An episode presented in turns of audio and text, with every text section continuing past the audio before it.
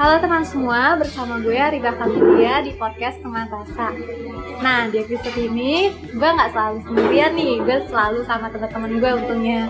Nah, sekarang gue bersama temen gue nih. Cuma sih gue sering manggilnya dengan sebutan Panjul. Say hello dong Jul. Halo semua, apa kabar? Sehat? Ngomongin tolong dia agak gedein sedikit. Apa kabar semua? Sehat? Jangan kaku gitu dong. Iya, Lu di belakang gue ngata-ngatain gue. Biasa ya mah. Harus baru pertama ketemu lagi sama Riba jadi canggung lah.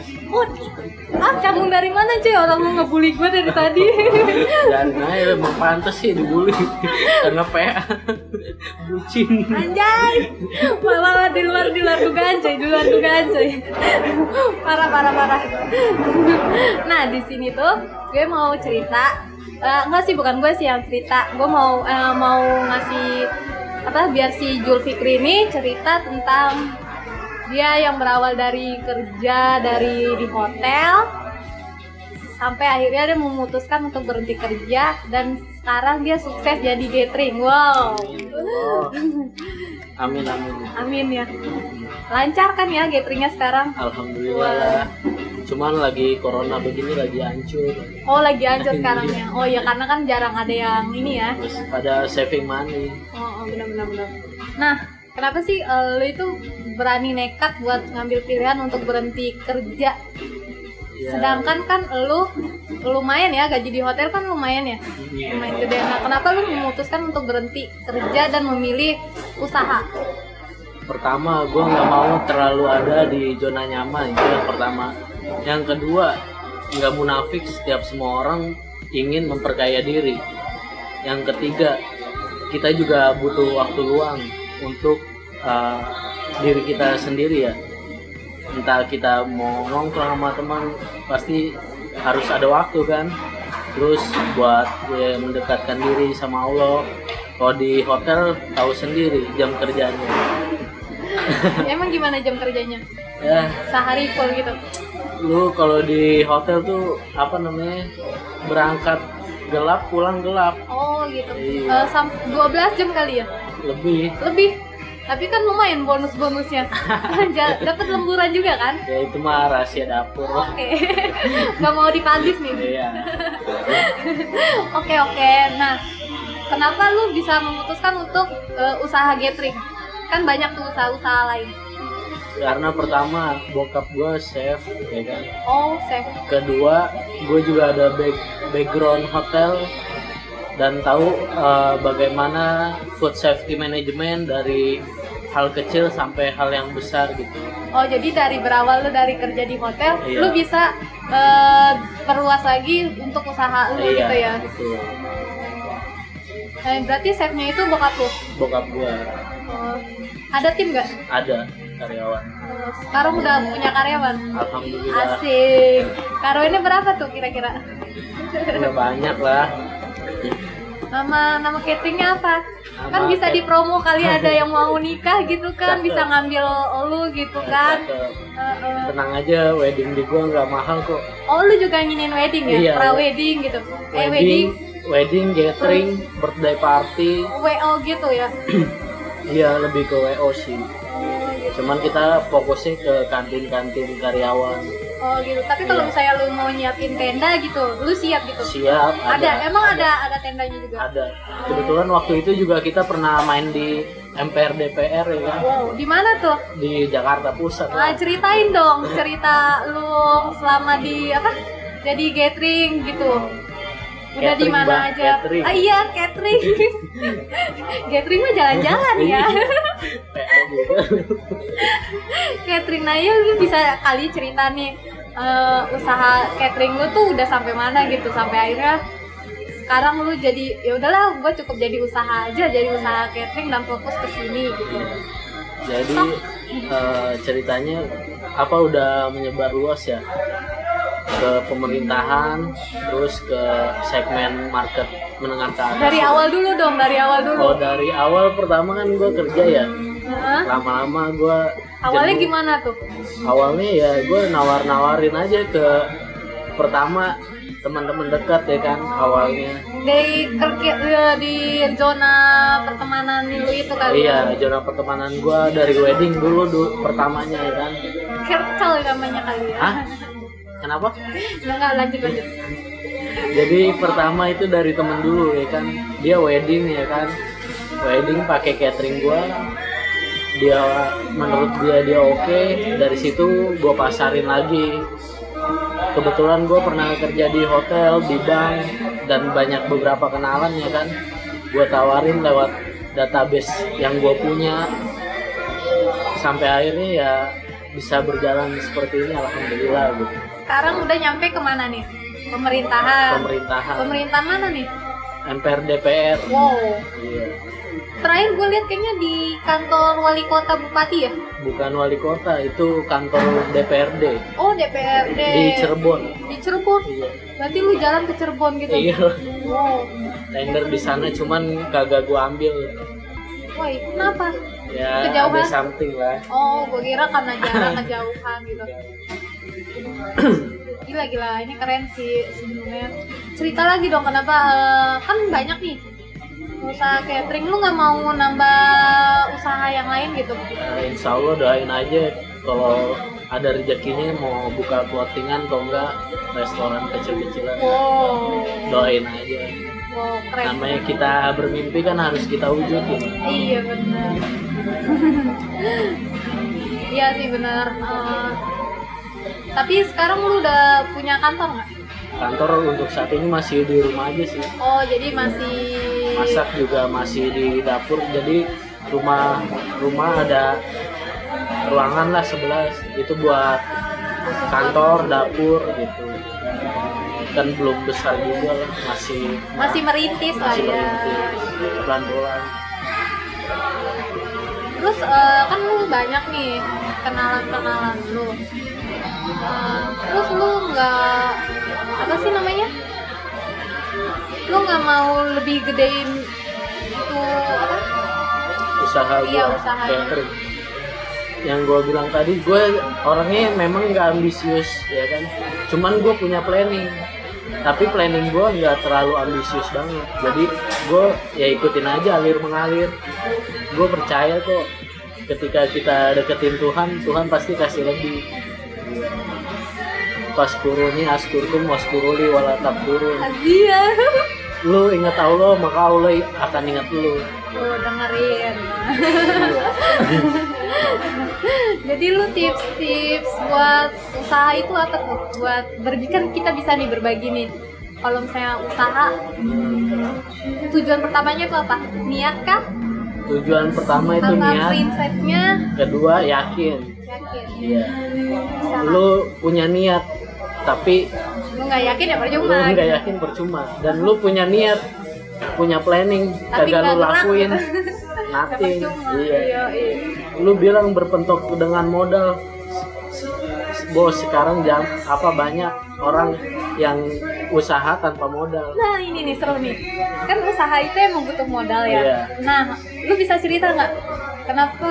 Pasti kan modal pasti selalu mentok di modal. Kenapa lu bisa akhirnya bisa gerak? Apa karena lu minjem modal Apa? Lu sebelumnya itu udah nabung dulu gitu jujur dulu sebenarnya gue udah nabung dulu. Oh gitu. Jadi lu nggak pakai pinjaman modal Pinjaman uang dari misalnya dari bank apa segala macam gitu. Berarti lu udah planning nih kalau misalnya duitnya udah cukup gue berhenti gue bakal usaha gitu. Iya, udah kayak gitu udah. Dan dulu gue juga pernah usaha jual beli motor sama tamu di hotel ya kan. Itu motor Scorpio dijual ke Medan. Dari sini gue cariin motornya, terus dibawa ke Medan lewat ekspedisi. Ya pokoknya lah, lancar nggak sampai sekarang kagak. Dulu dia uh, ibaratnya udah krisis ekonomi dianya. jadi jual beli motor Jual beli motor udah gue lakuin. eh, iya apa aja nih selain jual beli jual serabi udah gue lakuin oh iya serabi Terus nggak laku ya laku cuman gue waktu itu ada orderan catering kan dan udah kontrak ya kan. Jadi nggak dilanjutin? Udah gue lanjutin karena apa harus fokus dulu dalam satu hal. Ketika udah besar atau udah lancar ya kan baru kita fokus ke yang lain. Iyalah manusia aja kita harus fokus sama sama sama satu manusia kan? Nggak curhat ini mah nggak curhat Jul nggak curhat terus selain catering apa aja tuh usahanya? Kan jual motor udah. Serabi dulu. Terus dulu gue pernah ngampus ya di Umpam jadi gue jual-jual bawah nasi goreng waktu itu. Di kampus gue jual-jualin ke temen-temen gue ya namanya juga hidup ya. Kalau nggak dijalanin ya kita mati dengan gengsi kita. Tapi ketika kita nggak gengsi kita cari duit yang halal insya Allah pasti ada jalan. Yang penting satu jangan gengsi jangan malu. Karena sukses itu butuh proses. Dan lu harus keluar dari zona nyaman. Iya. Yang ketiga lu harus deketin Tuhan lu ya kan? Karena apa? Hidup ini seperti game. Ketika lu pengen sesuatu ada kode atau cheatnya. Kode dan cheatnya apa? Ya doa. Gitu lu pengen pengen kerja nih. Lu nggak doa lu usaha doang. Lu sombong berarti. Kalau lu doa doa doang tanpa usaha lu nggak nggak mungkin kan Allah ngasih sesuatu hal eh, apa namanya turun tiba-tiba pasti ada perantaranya betul betul betul. Sekarang pas ketemu udah jadi bijak ya nih anak. Emang dari dulu kan? Enggak. Dulu mah ya begitulah pokoknya mah. Sekarang pas udah punya udah punya usaha gitu kan uh omongannya mantul. Sebenarnya sih karena faktor pengalaman ya itu yang pertama. Dan faktor pandangan karena apa ya dalam proses kita hidup itu pasti menemukan banyak pengalaman. Nah dari situ membuat sudut pandang kita jauh lebih luas. Dan kita bisa belajar dari Iya. pengalaman tersebut. Dan kayak lu udah, oh ja- gue sih. udah jatuh gua ini nggak keluar keluar lagi. Aduh tolong dong. Ini kan kita konteksnya Oh, iya. tentang Sama. lu usaha dari misalnya dari bawah sampai lu sudah bisa jadi di atas. Kok jadi ke gua gua sih? kok jadi ke gua gua sih? Ini beda cerita loh. Tapi lu sempat ini kan waktu pernah kan?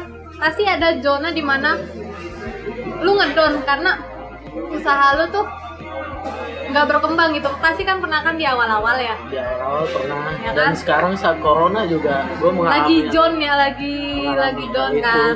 Cuman satu gue punya prinsip bukan prinsip sih punya pegangan. Kalau kita ibaratnya kita lagi jatuh gini yang kita lakuin adalah bersyukur. Karena apa?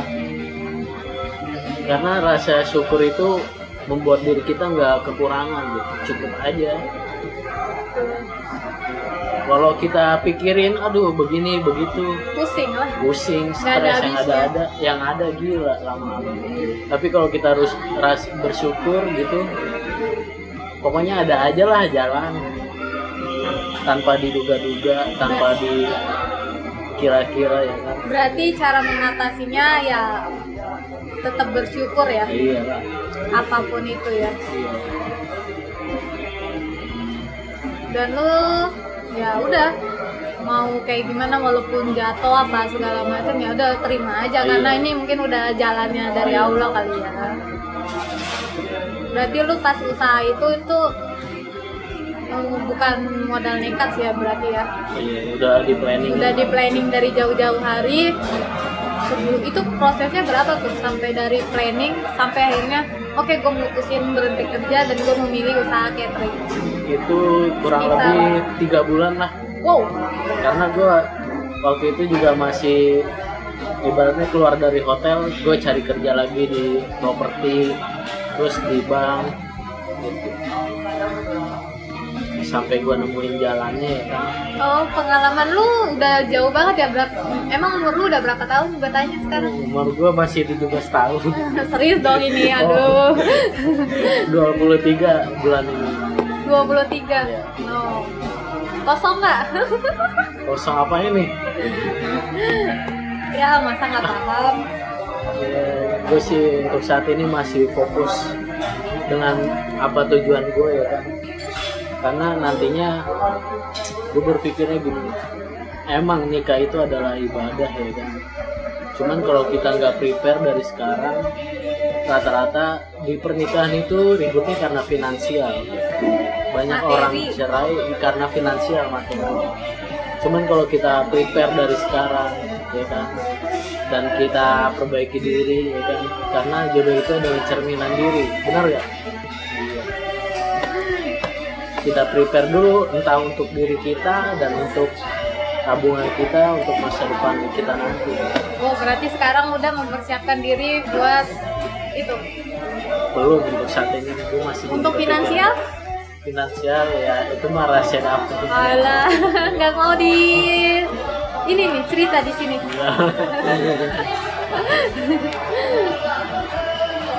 Nah, berarti eh, usaha catering ini ini tuh usaha bareng-bareng sama keluarga atau khusus lu pribadi? untuk saat ini sih masih sama keluarga ya Bareng bokap ya? iya bareng orang tua Berarti khusus eh berarti maksudnya si chefnya ini masih bokap lu yang megang. Apa ada yang lain chefnya? masih ada yang lain karyawan gitu Karyawan. Cuman yang ngatur memang bokap gue Ngomong-ngomong itu usaha catering makanannya apa aja tuh? Banyak western asian chinese Tradisional aja. japanese tradisional ada indonesian food Tapi lebih ke lebih ke indonesian food sama western western. Western itu apa aja tuh? banyak kalau Contohin disebutin dong kan jujur gue aja nggak tahu western itu apa aja makanannya. western itu kayak tenderloin tenderloin sirloin itu termasuk Oh itu bisa bisa kayak yang di itu ya di TV TV ya. Iya. Oke keren. Itu bokap lu bisa itu emang dulunya sekolahnya di bagian chef apa gimana tuh? dulu bokap gua punya pengalaman di kapal pesiar Kapal pesiar jadi oh chefnya itu kenapa chef di kapal pesiar di itu kapal pesiar. Iya. Oh gitu. Jadi lebih ke ini ya, kok luar-luaran gitu ya Iya, makanannya ya. Gitu ke barat-baratan. Tapi tradisional bisa. bisa Chinese food juga bisa Chinese food apa aja tuh contohnya? Tom Yam Gong salah satunya Terus terus masih banyak lagi sih Kalau sebutin di- dong, kalau sebutin. disebutin ntar bisa dua jam Gak apa-apa lah, sebutin aja gitu ya kan. Biar misalnya kita ini tahu loh gitu dan kali aja misalnya ada yang mau nih, yang ngedenger kalau ada yang ngedenger terus pengen bikin apa, bikin apa nyari catering mau yang Chinese foodnya Oh, inget siapa ini namanya? Si Panjul. Langsung kan bisa cek aja di Instagram kita. Ah ada Instagram apa tuh nama Instagramnya? At bogarasa.catering oh gitu. Ituin dong abjatin dong. At b o g a r a s a titik k a t e r i n g. Bogarasa.catering itu udah berjalan udah berapa lama tuh? Sampai sekarang? Baru setahun lah. Oh berarti masih baru ya? Oh gitu. Nah ini nih cerita yang menurut gue sih menarik banget ya. Karena bisa lah kayaknya kalau misalnya yang pengen usaha gitu. Punya tips-tips nggak nih buat yang pengen usaha gitu? Tips harusnya pertama. apa? Harus gimana gitu? Yang pertama lu deketin Allah dulu lu yakinin diri lu gitu. Iya lu yakinin dulu diri lu. Kenapa gue bilang deketin diri lu dengan Allah dulu? Kalau kita kejar akhirat pasti dunia mengikuti. Tapi kalau kita kejar dunia akhirat jauh banget. Dan kita kejar nggak bakal nyampe nyampe tuh dunianya.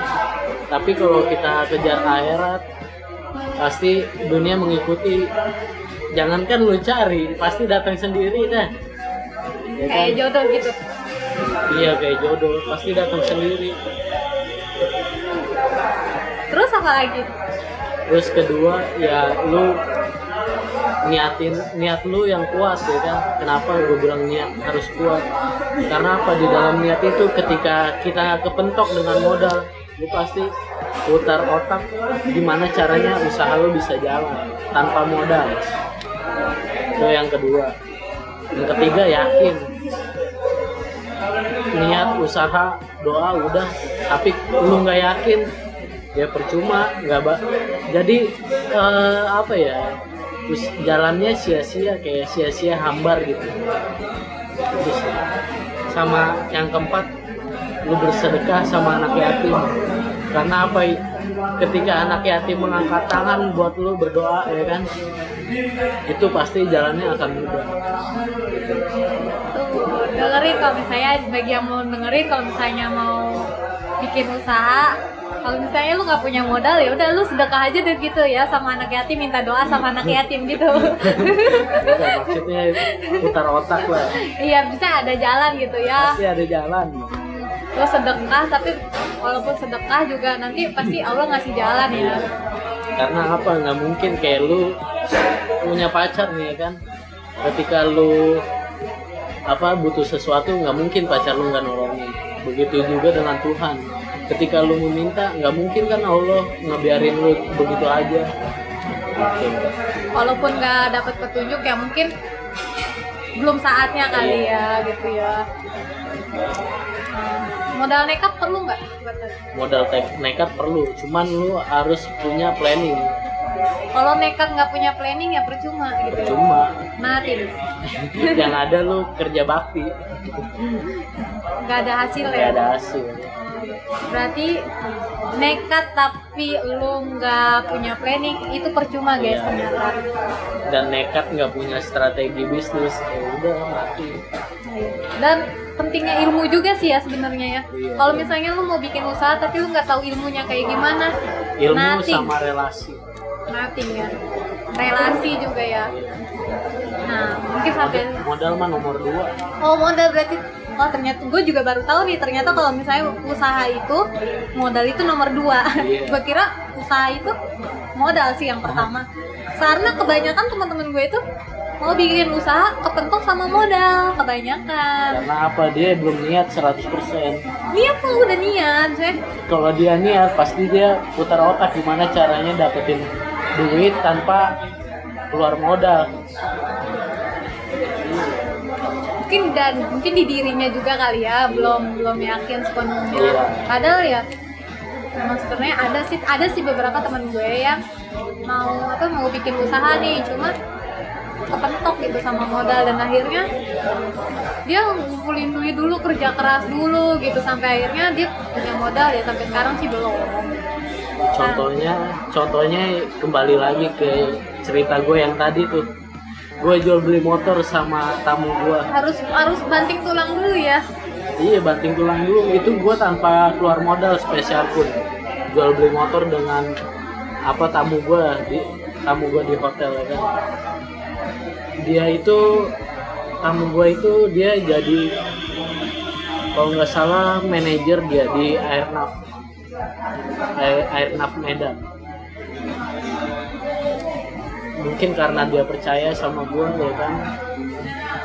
Ya jadinya gitu gue dapat dipercaya gue bisa jual beli motor sama dia tanpa ngeluarin modal spesial pun.